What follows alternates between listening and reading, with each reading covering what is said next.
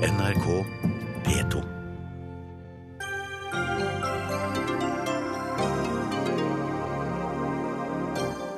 Lærerstreiken er over, men er konflikten løst?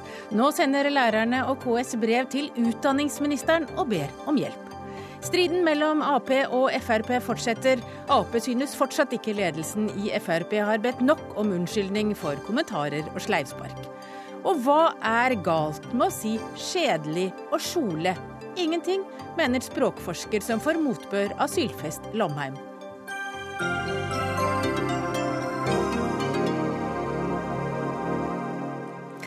Velkommen til Dagsnytt 18. Jeg heter Hege Holm, og vi skal i løpet av sendinga også markere at det er ti år siden gisseldramaet i Beslan, og vi skal snakke om Putins rolle i Ukraina. Men aller først så skal vi til, ja vi kan vel kalle det for dagens gladnyhet for alle elever som har savnet lærerne sine i over to uker. Lærerstreiken er nå avblåst, og lærerne er snart på plass for å ta imot elevene. Og som alltid er partene lettet når konflikten er over. En gledens dag sa KS-leder Gunn Marit Helgesen og leder i Utdanningsforbundet Ragnhild Lid. Du er kanskje ikke noe mindre lettet? Nei, vi er glad for at vi nå har løst denne konflikten. Eh, elevene er glad for å kunne begynne på skolen, men eh, lærerne er også glad for at de nå kan ta fatt på undervisninga og møte elevene sine.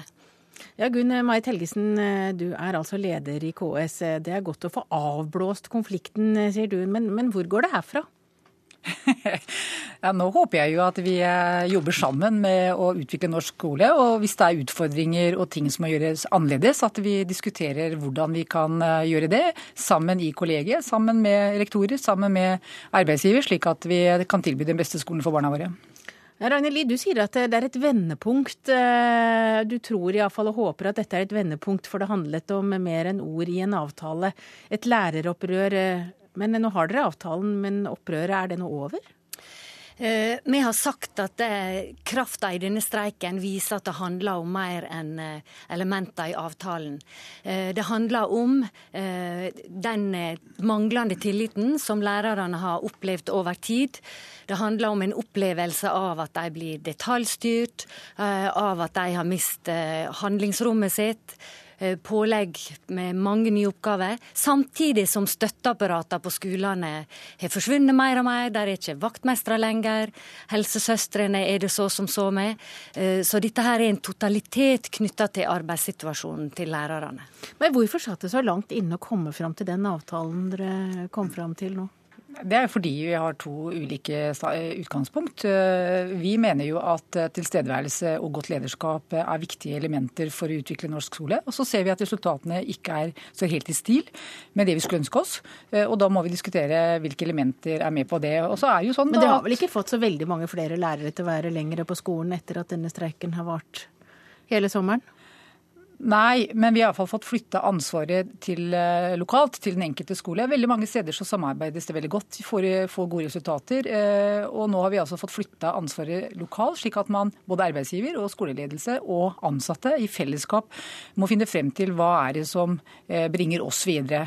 Og det å få en fleksibel avtale hvor man kan finne de beste lokale løsningene, har vært et av KS sine hovedmål og medlemmenes hovedmål med, med, denne forhandlingen. Og hvis man ikke blir enig lokalt, så går man tilbake til den minimumsordningen som er i dag? Det er siste instans. Eh, hvis man ikke blir eh, enige på skolen, så må man eventuelt eh, bli, få det opp på kommunenivå, slik at arbeidsgiver må ta tak i det og diskutere hvilke tiltak kan vi sette inn. Er det slik at det er andre oppgaver? Er det ekstrarapportering? Kan det være andre elementer som må på plass?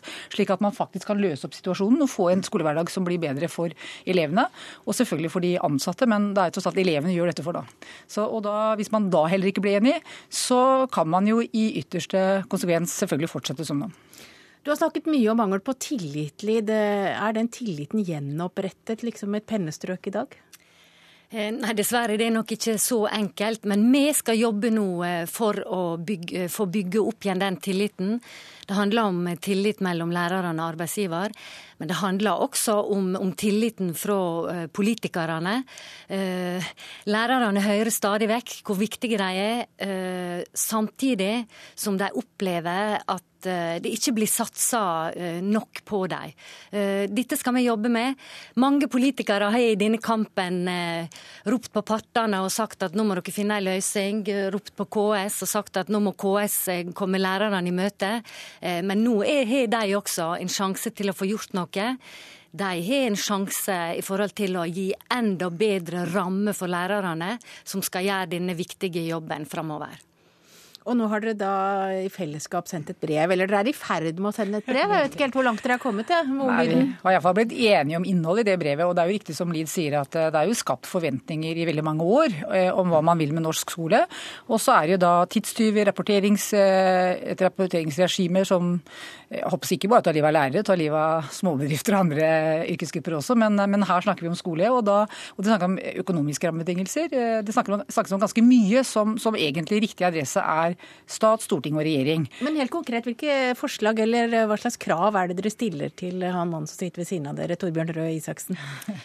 Ja, Det ene kravet som er viktig, særlig for lærerne i videregående, det er at eh, elevene og lærerne skal få det timetallet som ligger i læreplanen.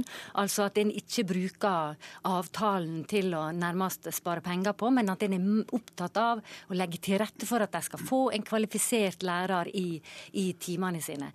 Det har vært et viktig element. Uh, og så handler det også om å sette i gang utviklingsarbeid. Det handler om uh, ja, kanskje han som har mottatt brevet hvis du har mottatt det nå, kan si litt mer om, om, innholdet. Det gikk veldig fort i, i siste runde, eh, så eh, vi er jo spent på det svaret som vil komme. Men det, det som jeg er veldig opptatt av å si, det er at dette brevet var ikke avgjørende for om vi skulle finne løsning på arbeidstidsavtalen. Vi har sagt hele veien at vi trenger en arbeidstidsavtale som kan stå på egne bein, og så skal de sentrale politikerne få komme med de andre forholdene som kan bidra til å lette arbeidshverdagen for lærerne. Ja, Utdanningsminister Torbjørn Røe Isaksen, aller først, eh, hva tenkte du når du hørte at streiken var over?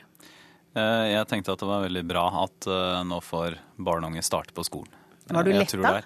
Ja, men letta er, letta er, vel feil ord.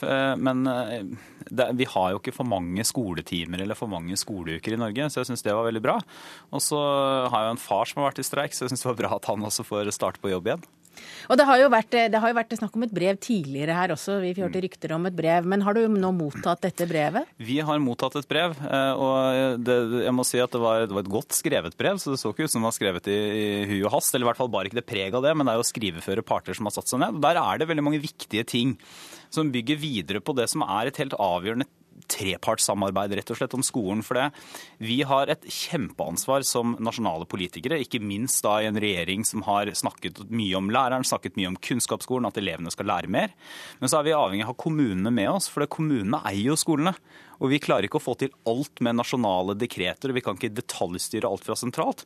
Og så er vi selvfølgelig også avhengig av å ha med alle de som jobber i skolen, fra skolelederne til lærerne. Men nå vet dere jo lærere setter jo makt bak krava. De, de tør å streike hvis, hvis det er det de må. Ja, ja det, det, nå var jo dette en arbeidskonflikt, da, men jeg syns jo også at eh, på samme måte som vi har høye forventninger til norsk skole, så skal jo de som jobber i norsk skole, men ikke minst de som har barna i norsk skole, skal kunne ha høye forventninger til oss politikere også. Men hvilke ønsker er det du kan tenke deg å innfri, da? F.eks. Ja, timetallet i videregående høres jo ut som uh... ja, altså Det er fem konkrete ting uh, som de spør om i det brevet. Og jeg har sagt i dag at jeg ser på når, Hvis jeg får et brev, det var før jeg fikk det, da, at jeg kommer til å se på det med stor imøtekommenhet og, og velvilje, så kommer vi til å svare sannsynligvis i løpet av uh, ja, noen dager. Så kort tid som mulig. Så da vil man få svar på de helt konkrete tingene som ligger der. Men det er noen ting som er helt åpenbart. altså F.eks. så adresserer jo det brevet behovet for faglig påfyll i skolen. At man hele tiden tenker de viktigste ressursene i skolen er lærerne. Da må de ha faglig påfyll. Da må vi også kunne, kunne f.eks. stille krav om at man har, eh, man har, fordypning i fagene man underviser i. Det kan vi ikke bare dytte over til kommunene og si fiks. Da må staten være med gjennom etter- og videreutdanning. Eh, de er opptatt av tidstyver. Det er vi også. Det er et arbeid i gang. Det har vi lyst til å fortsette med sammen med partene. Ikke bare for da å redegjøre for hvilke tidstyver som er der, men også for å gå inn. Altså på hver enkelt skole må man gå inn da og se hva er det vi bruker tid på som ikke fremmer fremmer elevenes undervisning. Og så syns jeg poenget til Ragnhild Lid her om at man skal undersøke timetallet, det er også i utgangspunktet positivt innstilt til. Det er klart at man skal følge det som er lovverket og regelverket for hvor mange timer man skal ta. Og man kan ikke spare penger på å ikke følge regelverket. Er dette svar det, når du hører eh, på ministeren her, Helgesen, hva tenker du? Ja, nå vil jeg først se svaret, da. fordi eh, Når vi sender et brev til statlige myndigheter, så er det veldig seriøst ment. og Det handler om, de, om overordna skolepolitikk eh, som har blitt blanda inn i denne debatten. Det handler om kommuneøkonomi, det handler om rapportering og tilsyn og kontroll, og, og, at lærerne ikke får tid til å være lærer fordi det er så mange andre plikter som blir pålagt dem. Det er ikke noe KS har pålagt. Eh, men det har kommet fram i denne streiken og denne frustrasjonen veldig tydelig til overflaten at det er mer som må på plass enn rene arbeidsforhold. Men tenker du også at dette er et vendepunkt for norske lærere? Jeg håper, det er et, jeg håper at, at, det er et, et, skritt på veien i å eh, både ansvarliggjøre arbeidsgivere lokalt eh, og alle som jobber i skolen på hele tiden å, å diskutere hvordan, eh, hvordan, klarer vi å forbedre læringsmiljøet for elevene våre. fordi det er, det er, det viktigste. Det er jo eleven som er det viktige her. Nemlig hvordan kan vi forbedre læringsmiljøet, hvordan kan vi sikre at vi, at vi har kompetente, motiverte, gode lærere. Hvordan kan vi sikre at elevene faktisk lærer noe når de er på skolen, og at de faktisk faktisk eh, få utvikla det talentet de har. Og Det er det det handler om for oss, og det er det, vi, det, er det som har vært KS sitt og kommunene sitt anliggende. Vi erkjenner vi at resultatene i norsk skole er mange steder veldig bra, og noen steder ikke gode nok. Og så vet vi at hva skal til for at eh, det skal bli bedre? Jo, det er bl.a. et godt lederskap. Men da må vi lederne anledning til å være ledere. Det handler om tilstedeværelse, og det handler om det kollegiale i hvor alle føler et ansvar for at det er våre elever, og vi jobber sammen for å bedre læringsmiljøet. Og Det foregår utrolig mye bra, men det er fortsatt utfordringer. Eh, og jeg tror vi alle har et forbedringspotensial. Ja, og så tror jeg, ønsker jeg at du legger til eh, at det er viktig å la lærerne få være lærere. La dem få det nødvendige handlingsrommet, og ikke bli detaljstyrt av lokale politikere med på Nei, men det er viktig at det blir sagt pålegg om hvordan de skal drive eh, vurderingsarbeid av elever og sånn. Det er sånne ting vi ikke vil ha noe mer av. Nei, jeg tror Det er jo mange diskusjoner her eh, som er viktige. For å ta denne tidstyvdiskusjonen, som, som jo er altså Dette er jo ikke unikt i skolen. Vi har jo bygd opp et, et, offentlig system hvor det er tidstyver overalt. Det er en grunn til at vi har en moderniseringsminister som har gjort kampen mot tidstyvene til et av sine viktigste prosjekter. Men, men i skolen så er det jo sånn at de tidstyvene skjuler seg noe er fra staten, men det er også veldig mye som kommer fra andre ledd. Og det er også noe som er opphav i skolen selv. Så hvis man ser på de tallene vi har, så viser det f.eks. at en av de tingene lærerne blir mest irritert på, det er at de bruker mye tid, føler de, på ikke faglig relaterte møter på skolen. Og det er det ikke staten som har bestemt, at de skal sitte og ha ikke faglig relaterte møter på skolen. Så det sier jo litt om hvor viktig det er også at man forankrer det arbeidet her lokalt. Og det gir jo denne avtalen her et godt utgangspunkt for. Ragnhild Lie, til slutt. Dette er jo en streik som kom etter at medlemmene sa nei til den avtalen dere hadde forhandlet frem. Hva kommer medlemmene til å si nå? Jeg har tro på eh, at medlemmene våre kommer til å støtte denne avtalen. Det store flertall. Hvorfor støtter de denne når de ikke støttet den forrige avtalen? Det som er viktig i denne avtalen, det er at det her er muligheter for å beholde den fleksibiliteten som lærerne har i dag. Den muligheten ligger i avtalen. De kan ikke overkjøres av ledelsen hvis de sjøl ikke ser verdien av f.eks. å ha mer binding til skolen. Så får vi se hva de svarer. Det er vel 10.9 som er fristen. Takk til eh, dere for at dere kom nok en gang til Dagsnytt 18 og snakket om eh, streiken, som altså nå er over. Ragnhild Lid, leder i Utdanningsforbundet, Gunn Marit Helgesen, leder i KS, og Torbjørn Røe Isaksen, utdanningsminister. Hør Dagsnytt 18 når du vil. Radio NRK.no.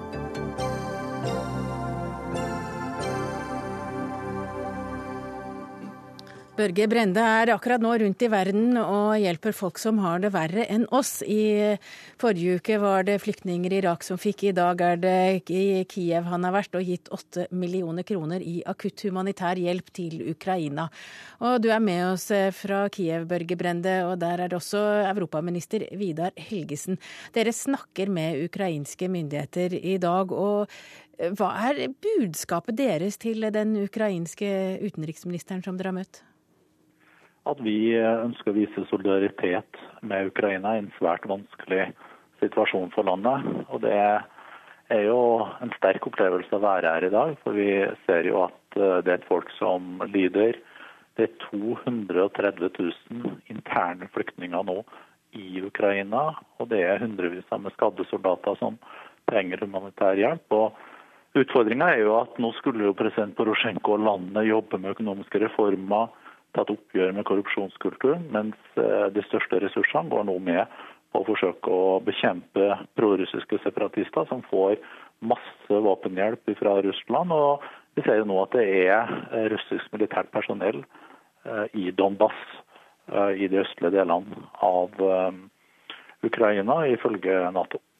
Jeg har jo sett eh, det er eh, mange diskusjoner som går om hva slags situasjon Ukraina er i. Vil du karakterisere det som en krig eh, Ukraina er i med Russland? Eller prorussiske styrker? Det er jo kamphandlinger hele tida mellom de prorussiske separatistene og den ukrainske hæren. Det er jo ikke noe uh, tvil om. Og så har jo dette forverra seg den siste halvannen uka ettersom eh, Russland har valgt å sende masse våpen i tillegg til våpnene som allerede er sendt over grensa. fordi den ukrainske hæren hadde kjørt de prorussiske separatistene på defensiven. Dette var åpenbart ikke noe Putin og Russland ville akseptere. og Det er nå eh, i tillegg artilleriild fra russisk side inn på ukrainsk side. På toppen av at uh, ifølge Nato så er det nå Eh, russisk militært personell som støtter opp om de prorussiske separatistene. Så Det er en alvorlig militær konflikt som svekker og destabiliserer hele Øst-Ukraina og får store konsekvenser for Ukraina. Er du egentlig i feil hovedstad, Børge Brende? Burde du heller vært i Moskva og snakket med Putins menn om Ukrainas framtid? Det er gjort eh, mange fremstøt eh, overfor Russland når det gjelder å få til en politisk løsning. Eh, president Porosjenko har jo eh, lagt frem forslag om økt selvstyre for Donbass, har jo lagt frem forslag om å enda større grad sikre den russisktalende eh, minoriteten. Og Det som sies her nå, at det er to skritt frem og tre tilbake. Jeg har jo tidligere i sommer hatt samtaler med den russiske utenriksminister, men det vi opplever nå er jo dessverre at det går i gal retning. Vi hadde jo håpet at Eh, det skulle være mulig å få på plass en eh, avtale om våpenhvile. Men det har vi ikke gitt opp, men det ser vanskeligere ut. Hva tenker du om Ukrainas eh, framtidige forhold til Nato? At det er andre prioriteringer som nå må prioriteres. Det er en vanskelig humanitær situasjon. Vi må hjelpe til med å Eh, skape en eh, våpenhvile. Eh, det må finnes løsninger på den krisen. Og så får jo Ukraina avklare internt om de ønsker å endre loven som tilsier alliansefrihet. Og så er det jo selvsagt opp til hvert land å definere hva som er i ens egne nasjonale interesser når det gjelder alliansetilknytning. Og hvis de konkluderer med at de ønsker å søke Nato-medlemskap på et senere tidspunkt, så får man følge de prosessene som Nato har lagt opp til i måte. Ja, Det er jo et toppmøte i Nato 4. og 5. september. Hvordan jobber dere fram mot det møtet? Der vil jo president Porosjenko og utenriksministeren komme, og det vil være et Ukraina-Nato-toppmøte. Det er jo et liaison-kontor her for Nato eh, i eh, Kiev. Men desto mer man følger den konflikten som utspiller seg i de østlige delene av Ukraina nå, så ser man jo at eh, dette finnes det bare en politisk løsning på.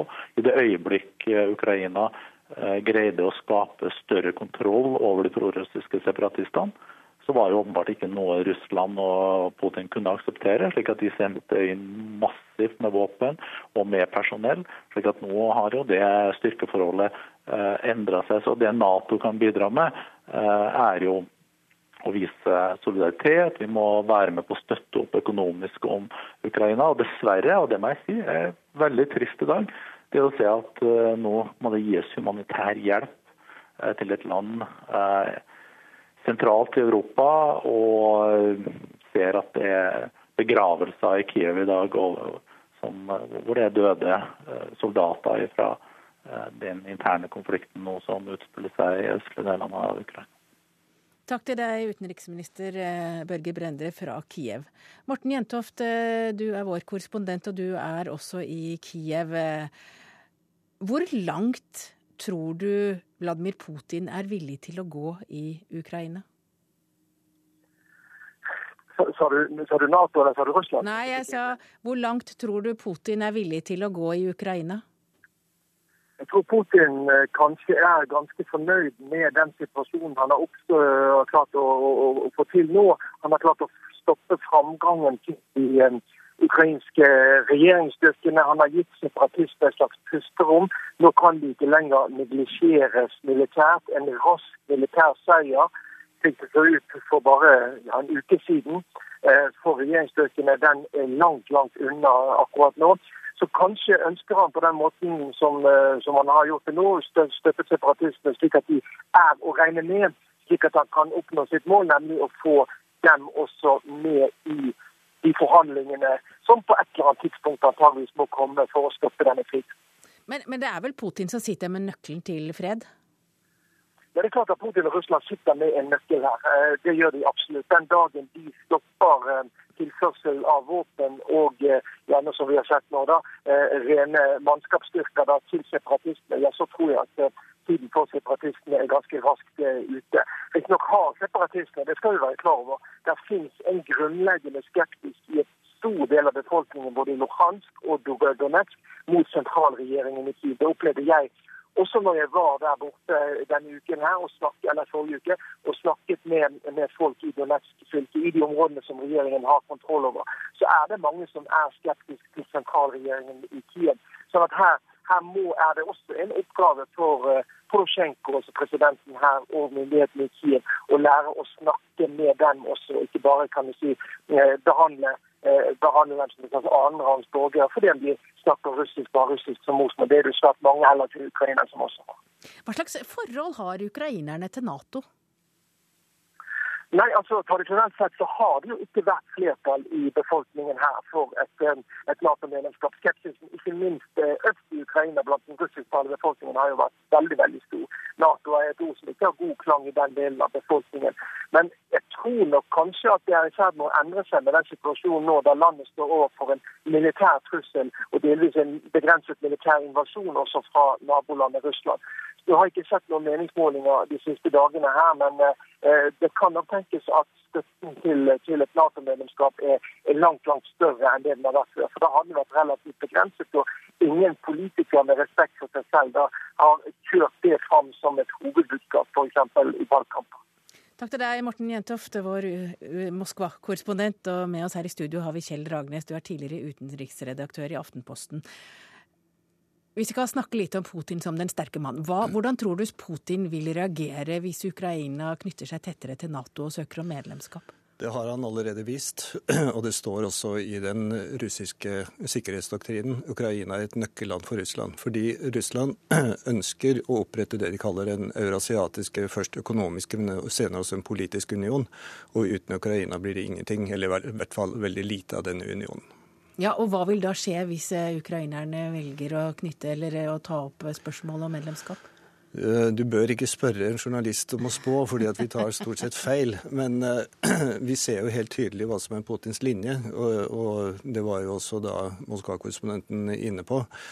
Han ønsker å skape en situasjon på bakken som gjør det nesten umulig for Ukraina å gå inn i et forpliktende fellesskap, først i EU kanskje, men deretter også i Nato. Nå har vi altså hørt, lest i helgen at eh, Putin han skaper uro i Europa. Han eh, er sterkt mislikt. Men hjemme har han over 80% støtte for sin politikk. Det viser jo meningsmåling eh, fra Russisk senter for opinionsundersøkelser. Hvorfor det? Vi kan sammenfatte det i tre bokstaver. PPT. Propaganda, penger og tradisjon tradisjonen eh, tro, så har eh, russerne alltid likt den sterke mann, den som kommer og ordner opp. Dette har vært helt i, fra gammelt av russisk historie. Fortsatt er det nostalgi for Stalin-tiden i enkelte kretser i Russland. Så er det penger. Eh, siden Putin ble først midlertidig president og senere valgt til president i 1999, så har den russiske økonomien gått i, i taket. Eh, det er ikke bare hans fortjeneste, fordi at oljeprisen begynte å stige omtrent samtidig som han ble president. Eh, slik at eh, det man hadde opplevd på 90-tallet, med lite penger, ingen pensjoner, offentlig ansatte fikk ikke lønna si, det ble snudd på hodet. Og det, Man blir populær når man betaler ut penger. Og så er det propaganda. Russiske medier er i dag, og da tenker jeg spesielt på TV og radio, altså de, de landsdekkende, de er veldig sterkt kontrollert av myndighetene. Og det som serveres av stoff på disse kanalene, det er veldig enstonig, for å si det på den måten. Men, men, når du snakker, så tenker jeg jo på en måte at dette er jo helt sånn tilbake til en tid vi nesten hadde glemt. Ja, I, I, Russland? Ja, det minner meg jo Jeg var jo først korrespondent eh, på slutten av 70-tallet, begynnelsen av 80-tallet og senere på 90-tallet. Det minner meg veldig sterkt om det som skjedde på 70-tallet og 80-tallet. Men det interessante med, med Putins popularitet er at han er på en slags måte en slags omvendt Gorbatsjov. Gorbatsjov var veldig populær i, i Vesten, og det har, han, eh, har det all grunn eh, for at han ble. For han var den som egentlig avlyste den kalde krigen. Men han var utrolig upopulær hjemme. Det er veldig vanskelig for vesterlendinger å forstå. Eh, Putin er upopulær ute, men veldig populær hjemme. For han spiller også på veldig mange nasjonalistiske strenger. Og vi skal jo ikke glemme at det som skjedde på 90-tallet, det var at Sovjetunionen brøt sammen. Russland ble stående igjen som en eh, tredjerangsmakt, kanskje annenrangs eller tredjerangsmakt. Og det han har gjort, er å gjenreise Russlands status internasjonalt, i tillegg til det han har gjort på hjemmebane. Men kan Russland opp opptre som en, eh, en, egen verdensdel og gi blaffen i resten? Nei, de kan ikke det. Og det er kanskje det som er den største utfordringen for, for Russland i dag. fordi at Russland er selvfølgelig mye mye mer integrert i verdensøkonomien enn de noensinne eh, har vært. Og det viser jo også hvordan disse sanksjonene som er kommet både fra USA og fra EU, de begynner nå å bite ganske kraftig. Rubelkursen har sunket kraftig i dag. Jeg eh, ser også at eksporten, eller kan man si kapitalflukten fra Russland er enorm. Eh, og dette kommer til å gi seg utslag etter hvert. Og Men foreløpig er det viktigere enn mat? Er veldig viktig. Er viktig i veldig mange land, men de har mat nok. Men det spørs om de får all den maten og de andre godene som de er blitt vant til gjennom de siste 14 årene. Takk til deg, Kjell Dragnes, tidligere utenriksredaktør i Aftenposten.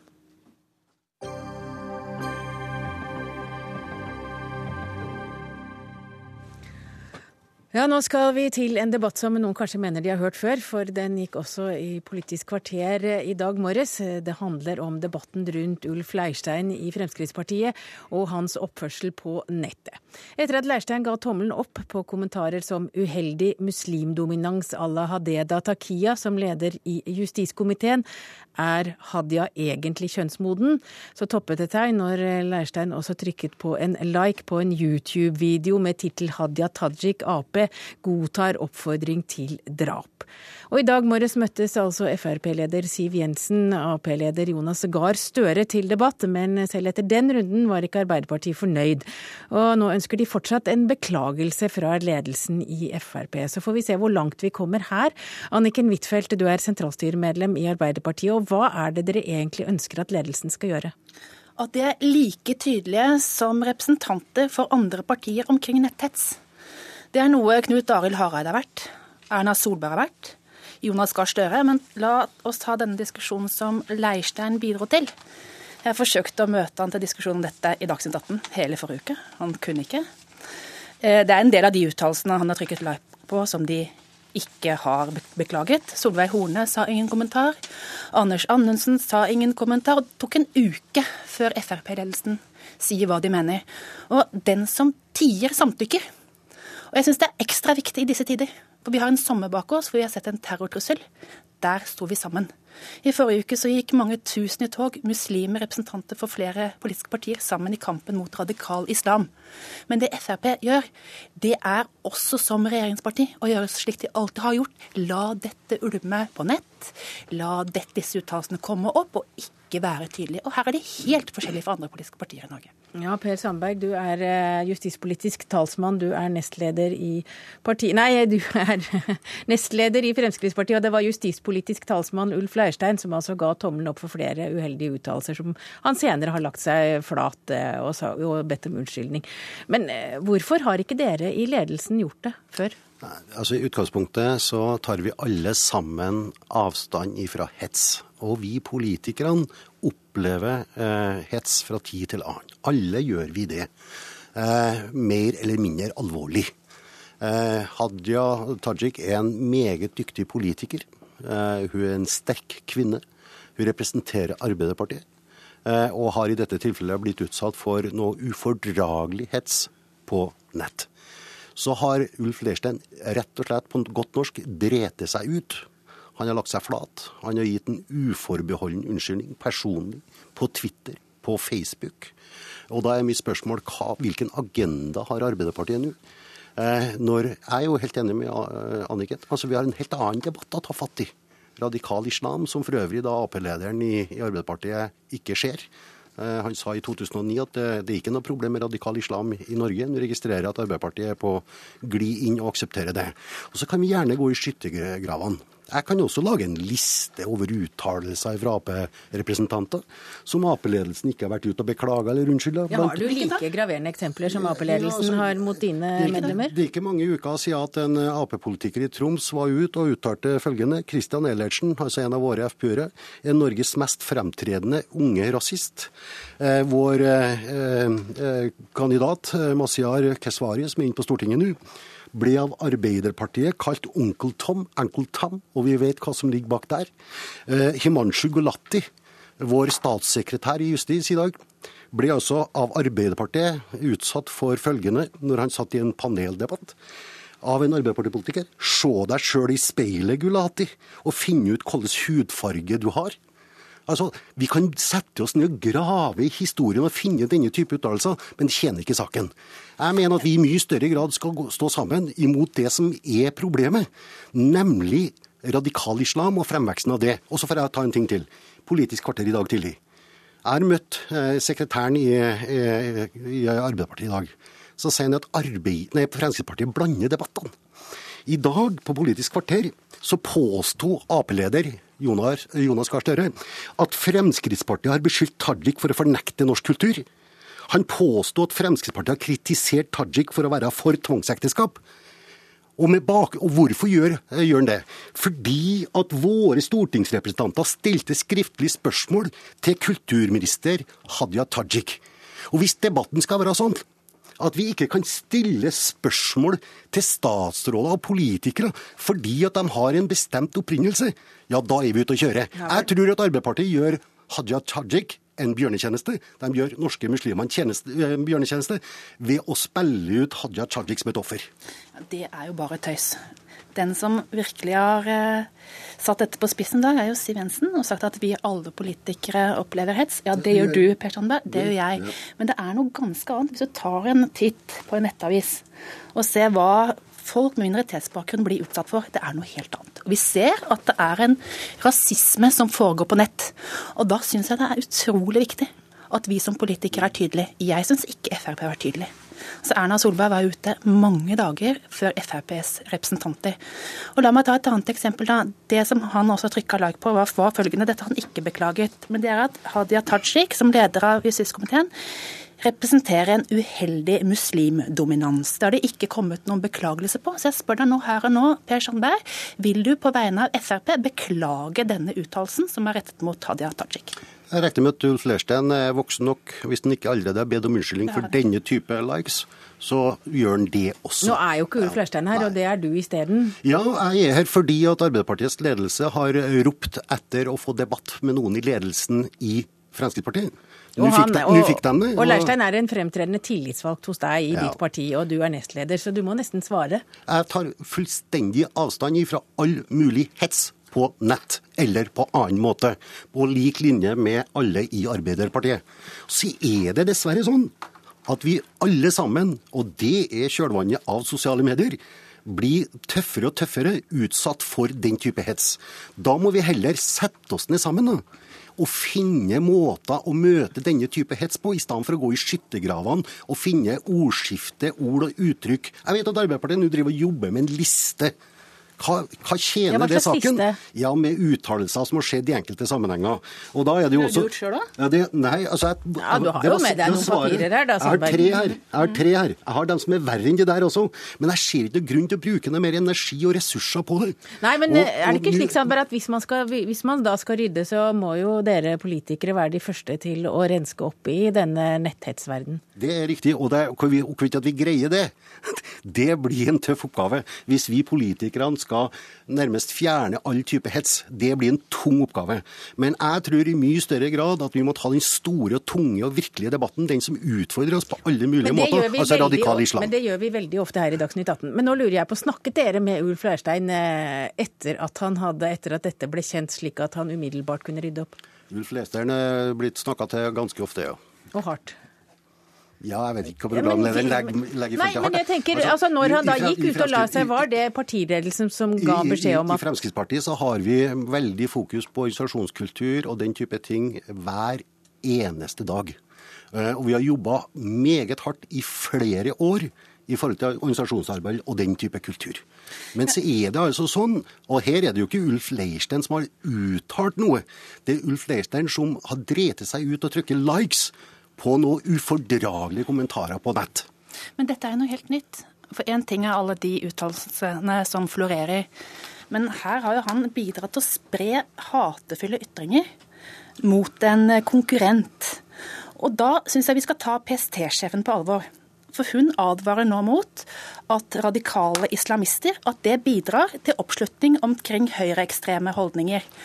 Og når Frp gir nettrollene likes, ja, så bidrar de til å legitimere holdninger. Og det gjør de som det eneste politiske parti i Norge. Jeg ga jo Leirstein muligheten til å trekke seg. Jeg skrev et innlegg forrige uke. Og jeg skrev at dette er så grovt, jeg tror ikke han er klar over det sjøl. Men selv da opprettholdt han sin uttalelse om at dette måtte Hadia Tajik og andre tåle. Og det gikk mange dager før det kom en beklagelse via en kommunikasjonsrådgiver. Han stiller ikke opp i media. Det tar en uke før Frp-ledelsen er på banen. Vi har flere i studio her. Ja, Men det er jo veldig interessant, for at det er jo denne debatten vi bør ta. Og da bør jo da Anniken også bestemme seg. Eh, og det er et enkelt spørsmål. Er radikal islam et problem i Norge? Er det en utfordring i Norge? For da, men, din leder sa jo i 2009 det er ikke noe problem i Norge. Ja, det kan jeg godt si hva jeg mener om. Men det er Er det ikke den problem, debatten det vi ikke skal den, det, det skal få komme igjen og diskutere akkurat det, for det diskuterer vi oftere enn vi diskuterer det vi holder på med nå. Men vi har en eh, tredje person her i studio, og det er deg, Magne Lerøe. Du er redaktør i ukeavisen Ledelse. Nå har du også hørt på de to her. Du er, eh, altså, du er her som ekspert på ledelse. Hva, hva tenker du, burde en leder som Siv Jensen gått ut umiddelbart og beklaget eh, en eh, partikollegas eh, oppførsel? I utgangspunktet, når en leder det er jo leder, en stortingsrepresentant er en leder, sjøl beklager, så, så er det vanligvis nok. For da, da tar man ansvar sjøl, og man legger seg flat. Så det er sånn Normalt så, så burde det holde. Men så ser man jo her at eh, selv om man gjorde det, sant, så vokser en sak. Så da kan man jo eh, si at det kunne kanskje vært en fordel når hadde gjort det. Men nå er jo Per Sandberg her, eh, og, og, og da på en måte på vegne av partiet forsøker å rydde opp. Og jeg syns jo det Per Sandberg sier nå, det, det, det, det er tydelig og, og greit nok. Men, men, men sånn i ettertid så kan vi kanskje si at OK, man burde vært på tidligere. Men i utgangspunktet var jo dette her en Det var en likes, det var, og han sier nei, det var ikke meningen. Ja, Hva da- betyr en likes? Altså, den, den, den betyr noe fordi den står der og, og gir anerkjennelse. Den gir anerkjennelse til en ytring. Derfor så er den egentlig mer enn det man egentlig tenkte. Så, så, men han, han har dritt seg ut, for å bruke ditt uttrykk. Og det er klart at eh, det har han sett sjøl. Dette er pinlig for han. Nå, har han, nå må han skjerpe seg. Og, og dette her er jo en, en tankevekker ikke sant? for hvordan de sosiale mediene fungerer her nå. Men det er jo på en måte litt rart ikke sant? at vi, at vi, at vi har en stor debatt om noe som jeg egentlig ikke mener. Så Det er jo et tankekors også at de sosiale mediene der de lever sitt eget liv. og Da får saker en sånn emosjonell dimensjon som gjør at liksom sakligheten i det for det er sånn, Her har dere ført tre debatter. sånn at Dere er egentlig enige om å være imot netthets. Og, og dere er sånn sett enige også ikke sant, om å ta avstand fra ekstreme, ekstreme ytringer. Men, sånn, men, men liksom, eh, hva skal vi egentlig prioritere å diskutere? Og akkurat nå så diskuterer vi når en, en parti Altså Ja, et altså, parti blir da eh, Det er litt det samme som når Støre vi holdt på i flere måneder. ikke sant? Selvsagt skulle han tatt og sjekket denne der eh, habiliteten sin, så han har sluppet kanskje veldig mye i den der svære saken med Tjudi-saken. At Han måtte jo si det, men, men der og da var det ikke naturlig. Der og da var det ikke så viktig for, eh, for Siv Jensen, for at han beklaget jo ganske tydelig sjøl. Da, da måtte det holde. Men så holdt det ikke. Det, det viser noe av kraften i dette her. Og det er jo det Frp må ta på alvor. At de ser i de sosiale mediene, når stortingsrepresentanter opptrer sånn, så så rett og slett folk aksepterer det ikke. De forventer noe mer. Og jeg syns jeg hører det Per Sandberg sier at sånn skal man ikke ha det i Frp. Man skal ta fatt i dette her. og Når du bruker såpass sterke uttrykk, så syns jeg det er også en vilje i partiet til å rydde opp. Men de har for mange de har for mange slevspark. Og det er det jeg oppfatter er poenget til Annike Huitfeldt. Så, så, jeg syns du kan gi en litt sånn kreditt for at ja, ja, til slutt da, så kommer du nå på banen. Ja, det, det hjelper meg å mase. Ja, men Det viser jo at hele den diskusjonen vi har hatt forrige uke har vært veldig viktig. Hvor det tok en uke før vi fikk Frp-ledelsen på Men nå har vi tatt den. Jeg syns jo det er veldig bra som det blir sagt her. Altså, jeg er jo sjøl på Facebook, og jeg, altså, jeg, jeg kjemper en kamp i forhold til å holde det ryddig. Men jeg tør ikke i dag garantere at det ikke kommer sleivspark på min Facebook-side. Men jeg er aldri inne og liker det. Det skal jeg love. Men nå har vi kanskje ryddet denne debatten av banen, og vi er ferdig med akkurat det kapitlet. Takk til Per Sandberg, nestleder i Frp, Anniken Huitfeldt, sentralstyremedlem i Arbeiderpartiet, og Magne Lerøe, redaktør i Ukeavisen Ledelse, som kom hit for å rydde opp.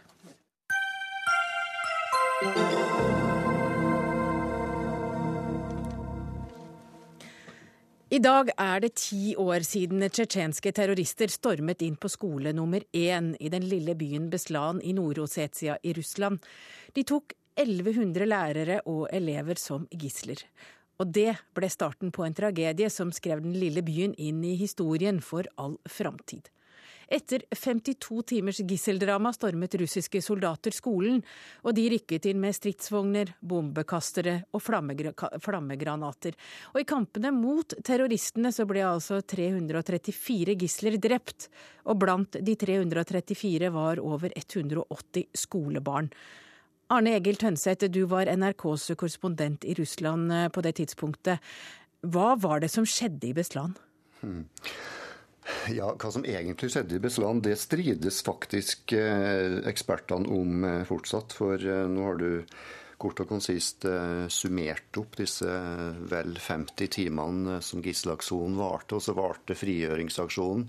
Den ekstremt kaotiske frigjøringsaksjonen i ja, godt og vel seks, sju, åtte timer. Etter at de første bombene gikk av og de første granatene falt mot eh, denne gymsalen hvor, eh, hvor alle disse gislene eh, satt.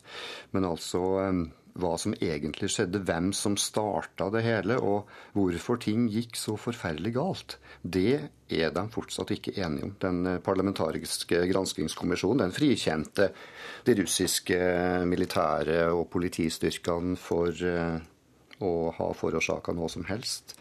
Mens uh, uavhengige eksperter, våpeneksperter, sprengstoffeksperter sier at uh, frigjøringsstyrkene sjøl gjorde veldig mye skade. Ja, Men hvorfor skulle man gå inn med tungt artilleri og spesialstyrker? De hadde et veldig fokus på å frigjøre eh, disse gislene, som satt i en ekstrem eh, og ekstremt trengt situasjon uten eh, mat og uten vann, i en aldeles forferdelig varme og under grusomme forhold. Eh, bomber hengende over hodet.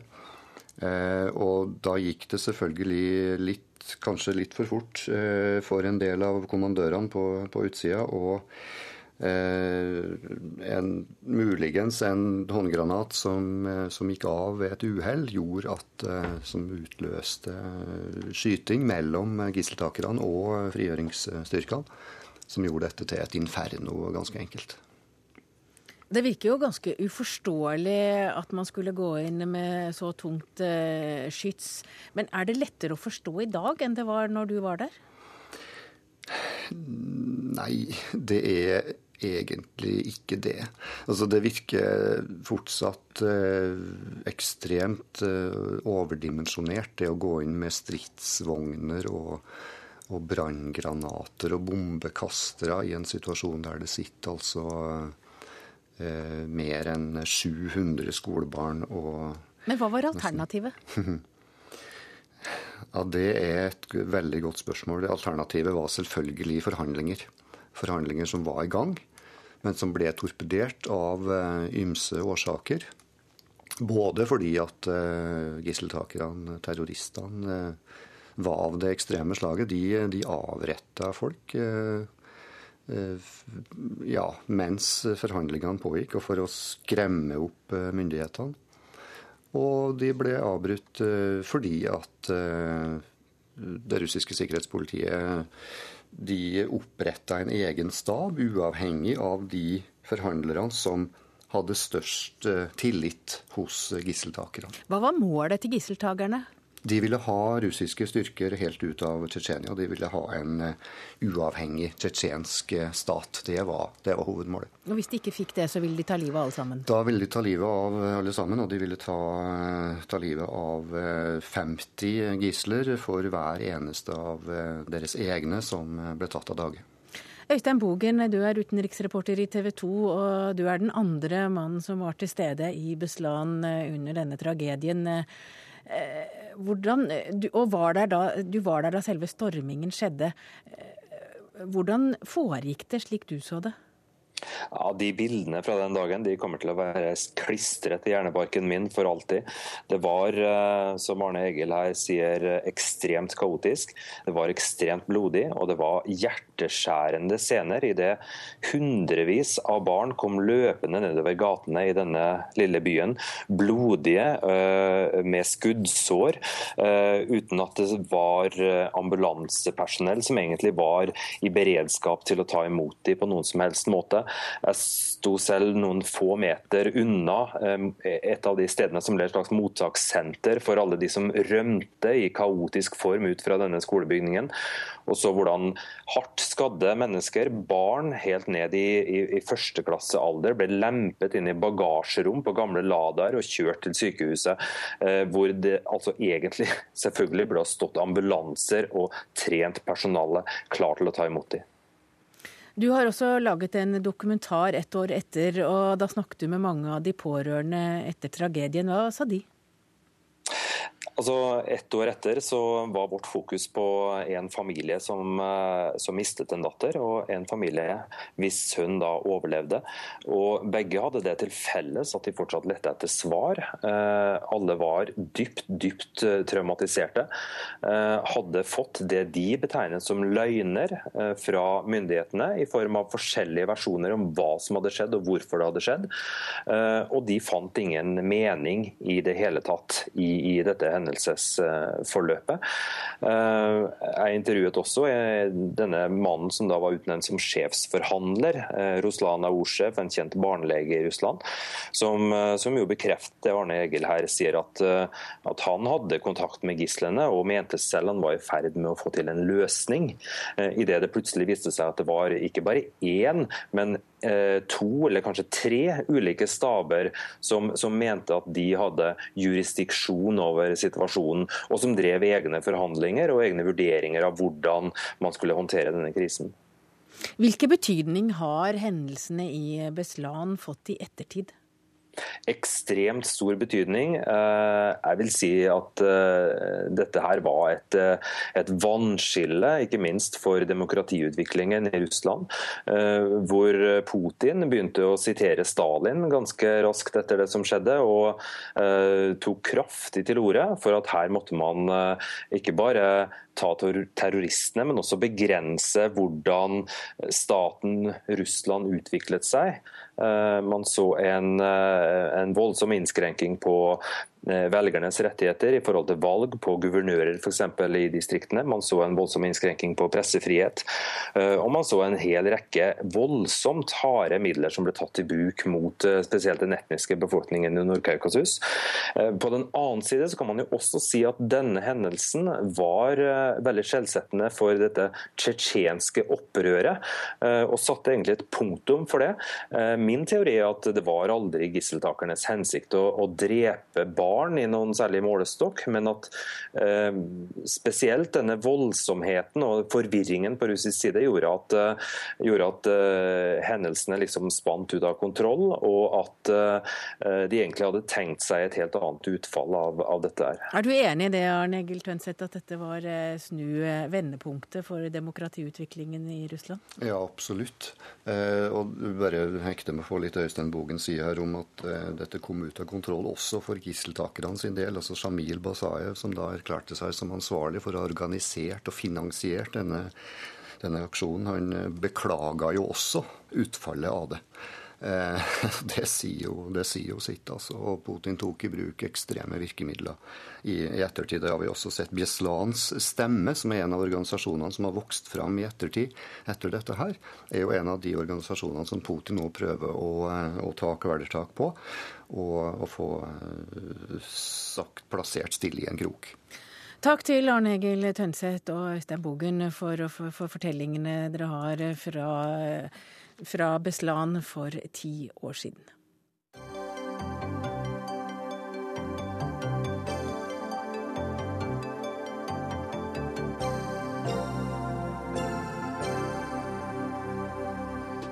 Og nå skal det handle om språk, for det er ganske mange mennesker som ergrer seg hver gang de hører at det er kjedelig å gå på kino i kjole. Og det som er sikkert, er at det blir stadig vanligere å droppe ch-lyden, og det er særlig blant unge mennesker. Og så er spørsmålet er det egentlig helt greit og en naturlig utvikling. Og Ud Vindernes, du er doktorgradsstipendiat i språkvitenskap ved Universitetet i Oslo. Og du syns ikke det er så farlig at ch-lyden droppes? Hvorfor Nei, altså, Objektivt sett så er ikke det en, altså det er ikke en uvanlig endring. Språket endrer seg hele tida, og eh, sammenfall mellom lyder som kan gjøre at eh, to ord som før uttaltes forskjellig, uttales likt. Det, det, skjer hele tida, og det har skjedd før uten at det har skapt noen problemer. Men dette er jo en trend som har vart ganske lenge, og som veldig mange har irritert seg over lenge. Ja. Men, men, det at man irriterer seg, betyr ikke at det forsvinner? Nei, det er jo ikke så godt å si da, om det, kommer, om det her faktisk kommer til å bli eh, en endring, og at alle kommer til å si kjøkken og kino i framtida. Det er ikke så godt å spå. Eh, nå er det jo flest unge som bruker denne skje-uttalen der hvor andre bruker kje. Og om de da kommer til å, å si, legge det vekk når de blir voksne eller eldre det, ja, Hva viser det forskningen der? Eh, ja, Nå forsker ikke jeg på skjelyden. Det, det, var på en måte bare en, et eksempel jeg brukte i en kronikk jeg skrev. Men um, altså Nei, det er rett og slett bare vanskelig Er det noe som tyder på at det liksom bare er eh, for de unge, og at det forsvinner når de blir eldre, eller er det noe man kan Det har jo skjedd til nå, da. Altså, det har vel vært unge for ja, ja det er lenge siden, siden det begynte. Ja, 20 det... år siden nå. så, så det er rett og slett vanskelig å spå. Sylfest Lomheid, du er professor i norsk ved Universitetet i Agder, og tidligere var du direktør i Norges språkråd. Norsk språkråd, hva vil du, vil du råde folk til å si kylling istedenfor skylling?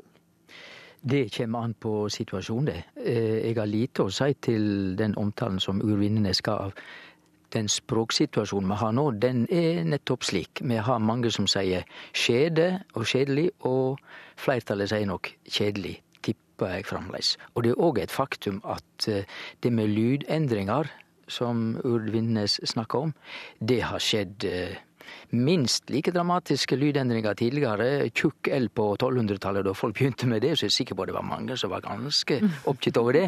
Og vi har levd bra med tjukk L seinere. Men er det Men, ikke så nøye om folk har, et, eh, om folk har skjede rundt halsen? Jo, altså det er det vi må At språket endrer seg, det kan vi bare legge dødt. Sånn er det bare.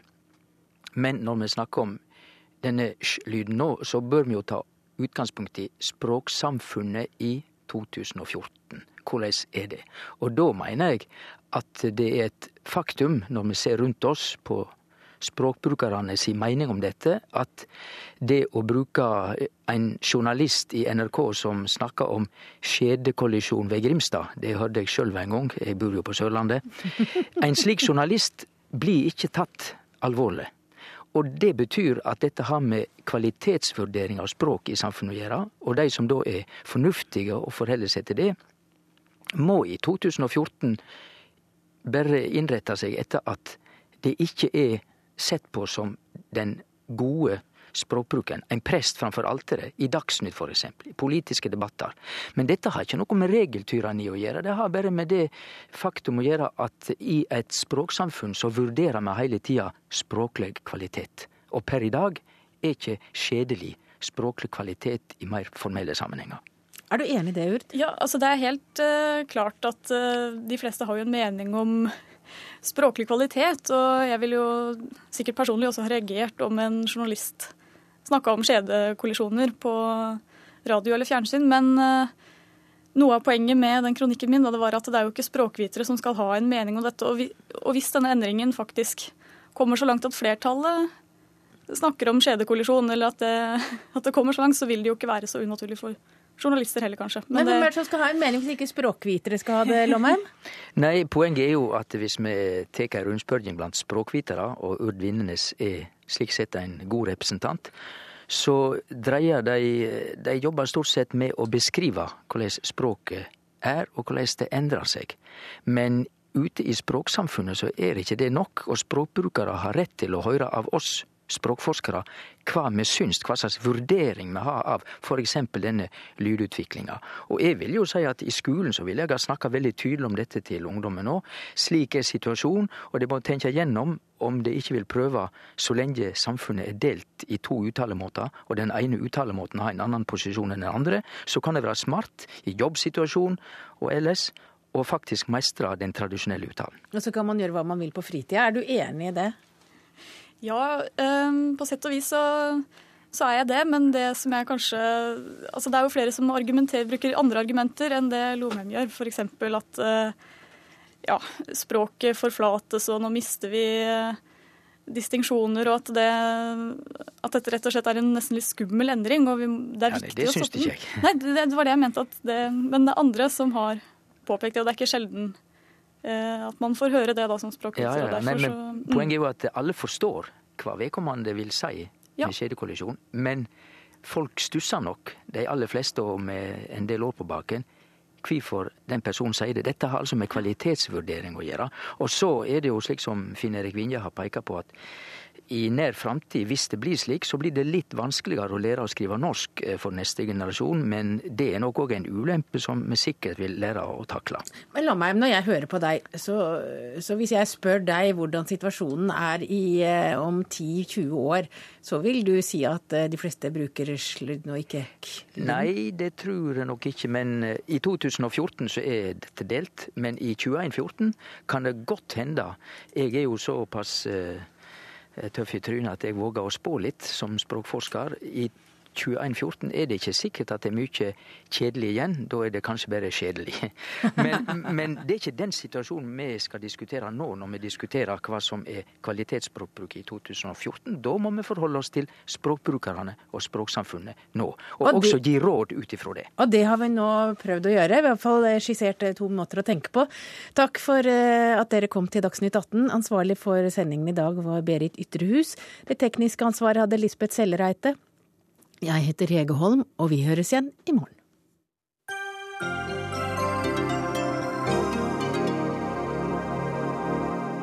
Hør flere podkaster på nrk.no podkast.